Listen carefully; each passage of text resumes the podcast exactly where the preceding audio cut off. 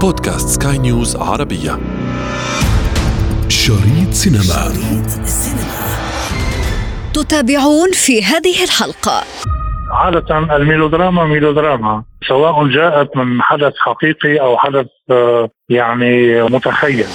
تعاني هوليود تحديدا من مشاكل إنتاجية عدا عن إضراب الممثلين يعني. شريط سينما.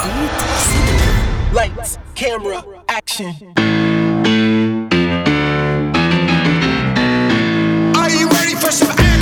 ينطلق المرء في خياراته عند مشاهدة الأفلام من منطلقين اثنين. الأول هروبا من الواقع والثاني خوفا من بعض الأحداث التي تحيط به. يريد البحث عن حلول. يستمدها من أشخاص آخرين عاشوا تجربة مشابهة ومن أخبار الكوارث الطبيعية بما فيها من ارتفاع الحر إلى الفيضانات. نطرح إشكالية واحدة. هل نجحت السينما اليوم بتصوير عدساتها لقصص إنسانية ولدت من خاصرة الكوارث المؤلمة؟ هذا محور حلقتنا اليوم. أنا ابتسام العكريمي وهذه حلقة جديدة من بودكاست شريط سينما على سكاي نيوز عربية لا تفوت الأمر Don't move. Not moving. Shh, not moving. Try to blend in. What, what, what do you mean? Blend in. What, what, what, are you- what are you saying? Too late. في عام 2011 تم إصدار فيلم الرسوم المتحركة رانجو من بطولة النجم جوني ديب Oh, oh, here she comes. You better run, Mojito. You what? I thought you said don't move. That was before. Now, you run. رانجو سحلية أليفة تجد نفسها تقاوم حرارة غير معهودة بالنسبة إليها بمجرد أن وجدت نفسها في شبه متاهة وسط الصحراء القاحلة He's going to die.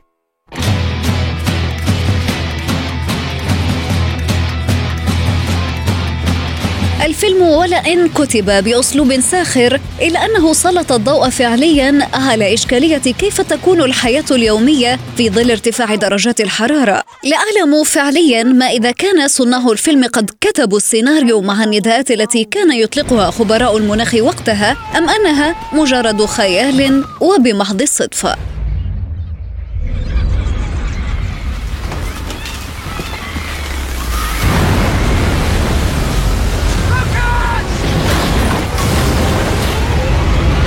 يبدو أن فيلم رانجو رغم عبثية أحداثه حسب البعض قد فتح المجال أمام صناع السينما آنذاك لتسليط عدسات الكاميرا على قصص تصور معاناة ارتفاع درجات الحرارة بسبب التغير المناخي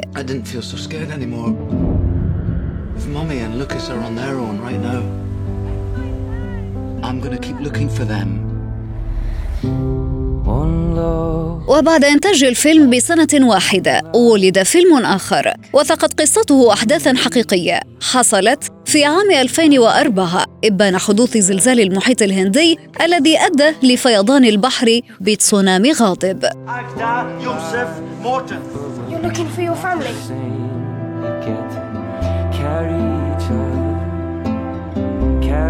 I'll look in all the hospitals and I'll look in all the shelters.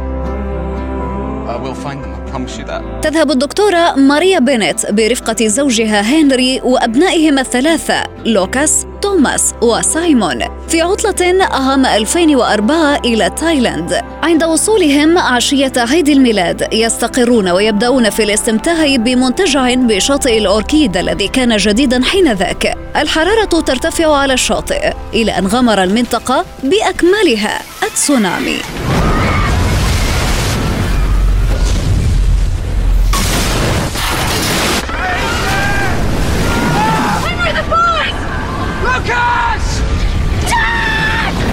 أمثال هذه القصص الحقيقية التي تبنى على وقائع من الأرض كثيرة، لكن السينما لم ترضى بالأساليب التقليدية التي كانت تبنى عليها السيناريوهات، لقد ظلت تتطور بتقنيات نقلها لقصص واقعية بعدسات الكاميرا، رغم الجدلية المغرضة التي كانت تربط الفيلم السينمائي بضرورة التقيد بمشاهد من الفيلم الوثائقي. هذه المشاهد كانت تصور الأحداث فعليا كما هي على الأرض لن أقول إنها نجحت في سرد المآسي التي حدثت ولكني سأنقل الإجابة عن هذه الإشكالية إلى الناقد الفني محمد حجازي. كلام دائما عن السينما والوقائع. في مشكلة دائما يعني بتفرق على شيء بسيط وهو الفرق ما بين الواقع وما بين التصور السينمائي. التصور السينمائي يتاح للسينما دائما هامش أن تقول السينما مادة من عندها أن تزيد من عندياتها. يعني المخرج يتدخل في الأحداث ويحورها ويطورها ويعدلها بما يتناسب مع رؤية سينمائية عنده. هذه متاحة. لكن آه، يعني الحدث يبقى حدثا. يعني إذا كان هناك فيضان لبركان يعني ثورة بركان يجب أن يتم التحدث عن ثورة البركان مثل ما عادة بتحصل الإضافات بتكون هي تطوير للحدث هي إضافة للحدث بما لا يضر ولا يزيح عن درب الحدث. ما هي أكثر الأفلام أستاذ محمد يلي صورت فعليا الكوارث الطبيعية أو حتى الكوارث الإنسانية يلي تسببت في كوارث طبيعية؟ يعني نحن نعلم جيدا بأنه على منصات صناعة الأفلام مثلا نتفليكس وغير نتفليكس ديزني وما إلى غير ذلك. يعني دائما ما تجد عندما تفتح هذه المنصات تجد بعض الأفلام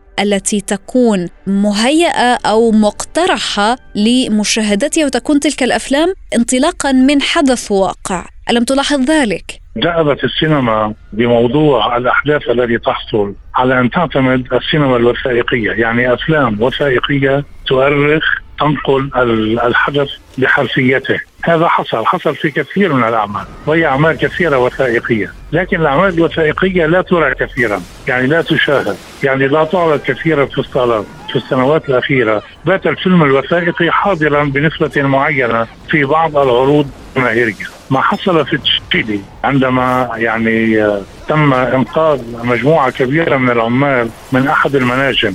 عندما أنجز هذا العمل في عمل درامي يعني أحدث ضجة في العالم بشكل رائع جدا. ولكن لو أنه ذهب ليكون فيلما وثائقيا ما كنت لتري احدا يعني يتحرك لأن الفيلم الوثائقي مثل الفيلم القصير لا جمهور له. هذه المشكلة دائمة وموجودة يعني معظم الكوارث الطبيعية الكبيرة نقلتها الأفلام الوثائقية التي ليست لها شهرة الأعمال الدرامية أو الكوميدية الكبيرة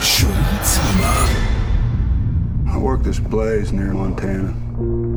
In the blink of an eye, just fire everywhere.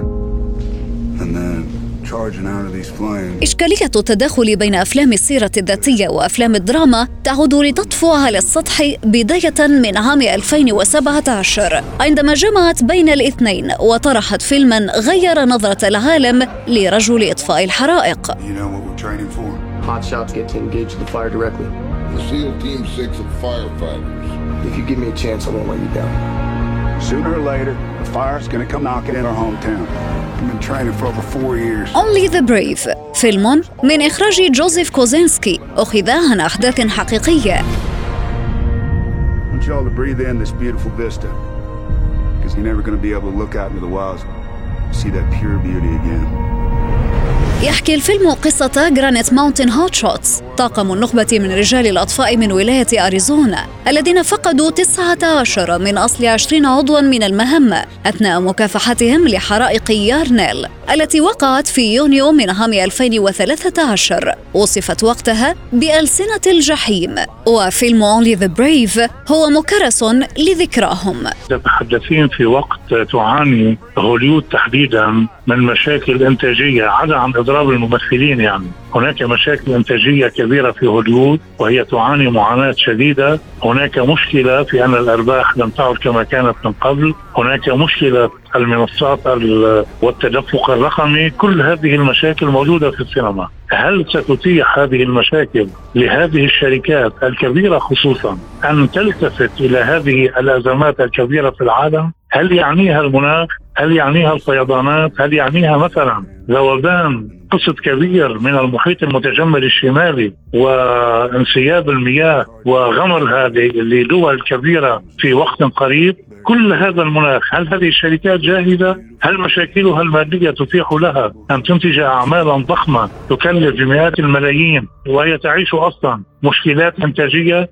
ولكن المشكلة فعلا حاليا أن هناك مشاكل إنتاجية صميمة عميقة تعاني منها الشركات الكبيرة لأنها لم تعد تحصل على أرباح كانت تتوقعها ولم تعد موجودة يعني الاحتمال قليل الاحتمال آه، ضعيف جدا. أذهب بك إلى زمن التسونامي. عندما حدث التسونامي في الكثير من الأوقات كانت تحدثت عنه أغلب الأفلام تقريبا صورت تلك المشاهد المؤلمة. تم دمج بعض الأفلام الوثائقية بالأفلام السينمائية العادية لتصوير المشاهد الواقعية من آه، هذه الكوارث الطبيعية. قسوة المناخ والطبيعة على البشر. خليني أقول ثورة الطبيعة على الإنسان.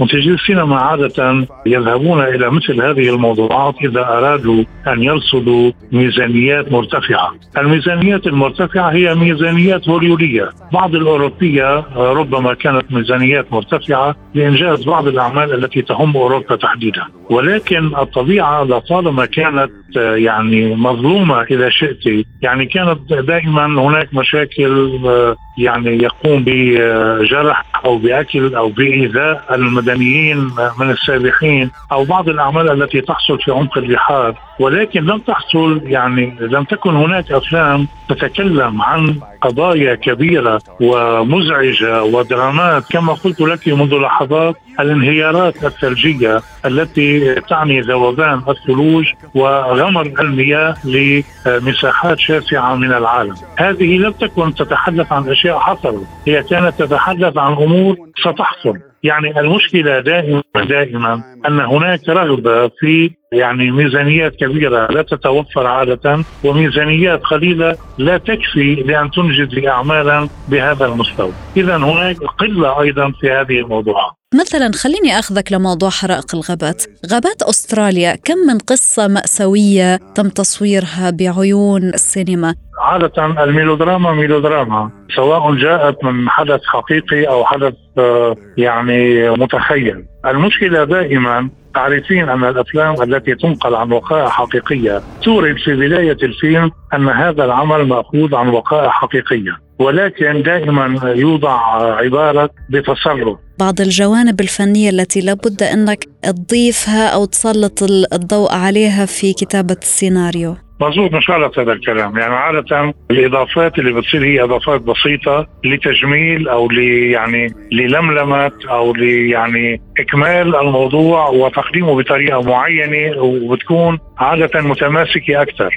وهذا لخدمة العمل الدرامي عادة ما في مشكلة. بس أنا عمالي بقول إنه كثير من الأفلام تستند إلى وقائع ولكنها تضيف أحيانا أشياء أكثر من اللازم فتبدو غير واقعية. هذا هو المشكل بس. شريط سينما. انتظرونا أفلام جديدة في شريط سينما. شريط سينما. شريط سينما.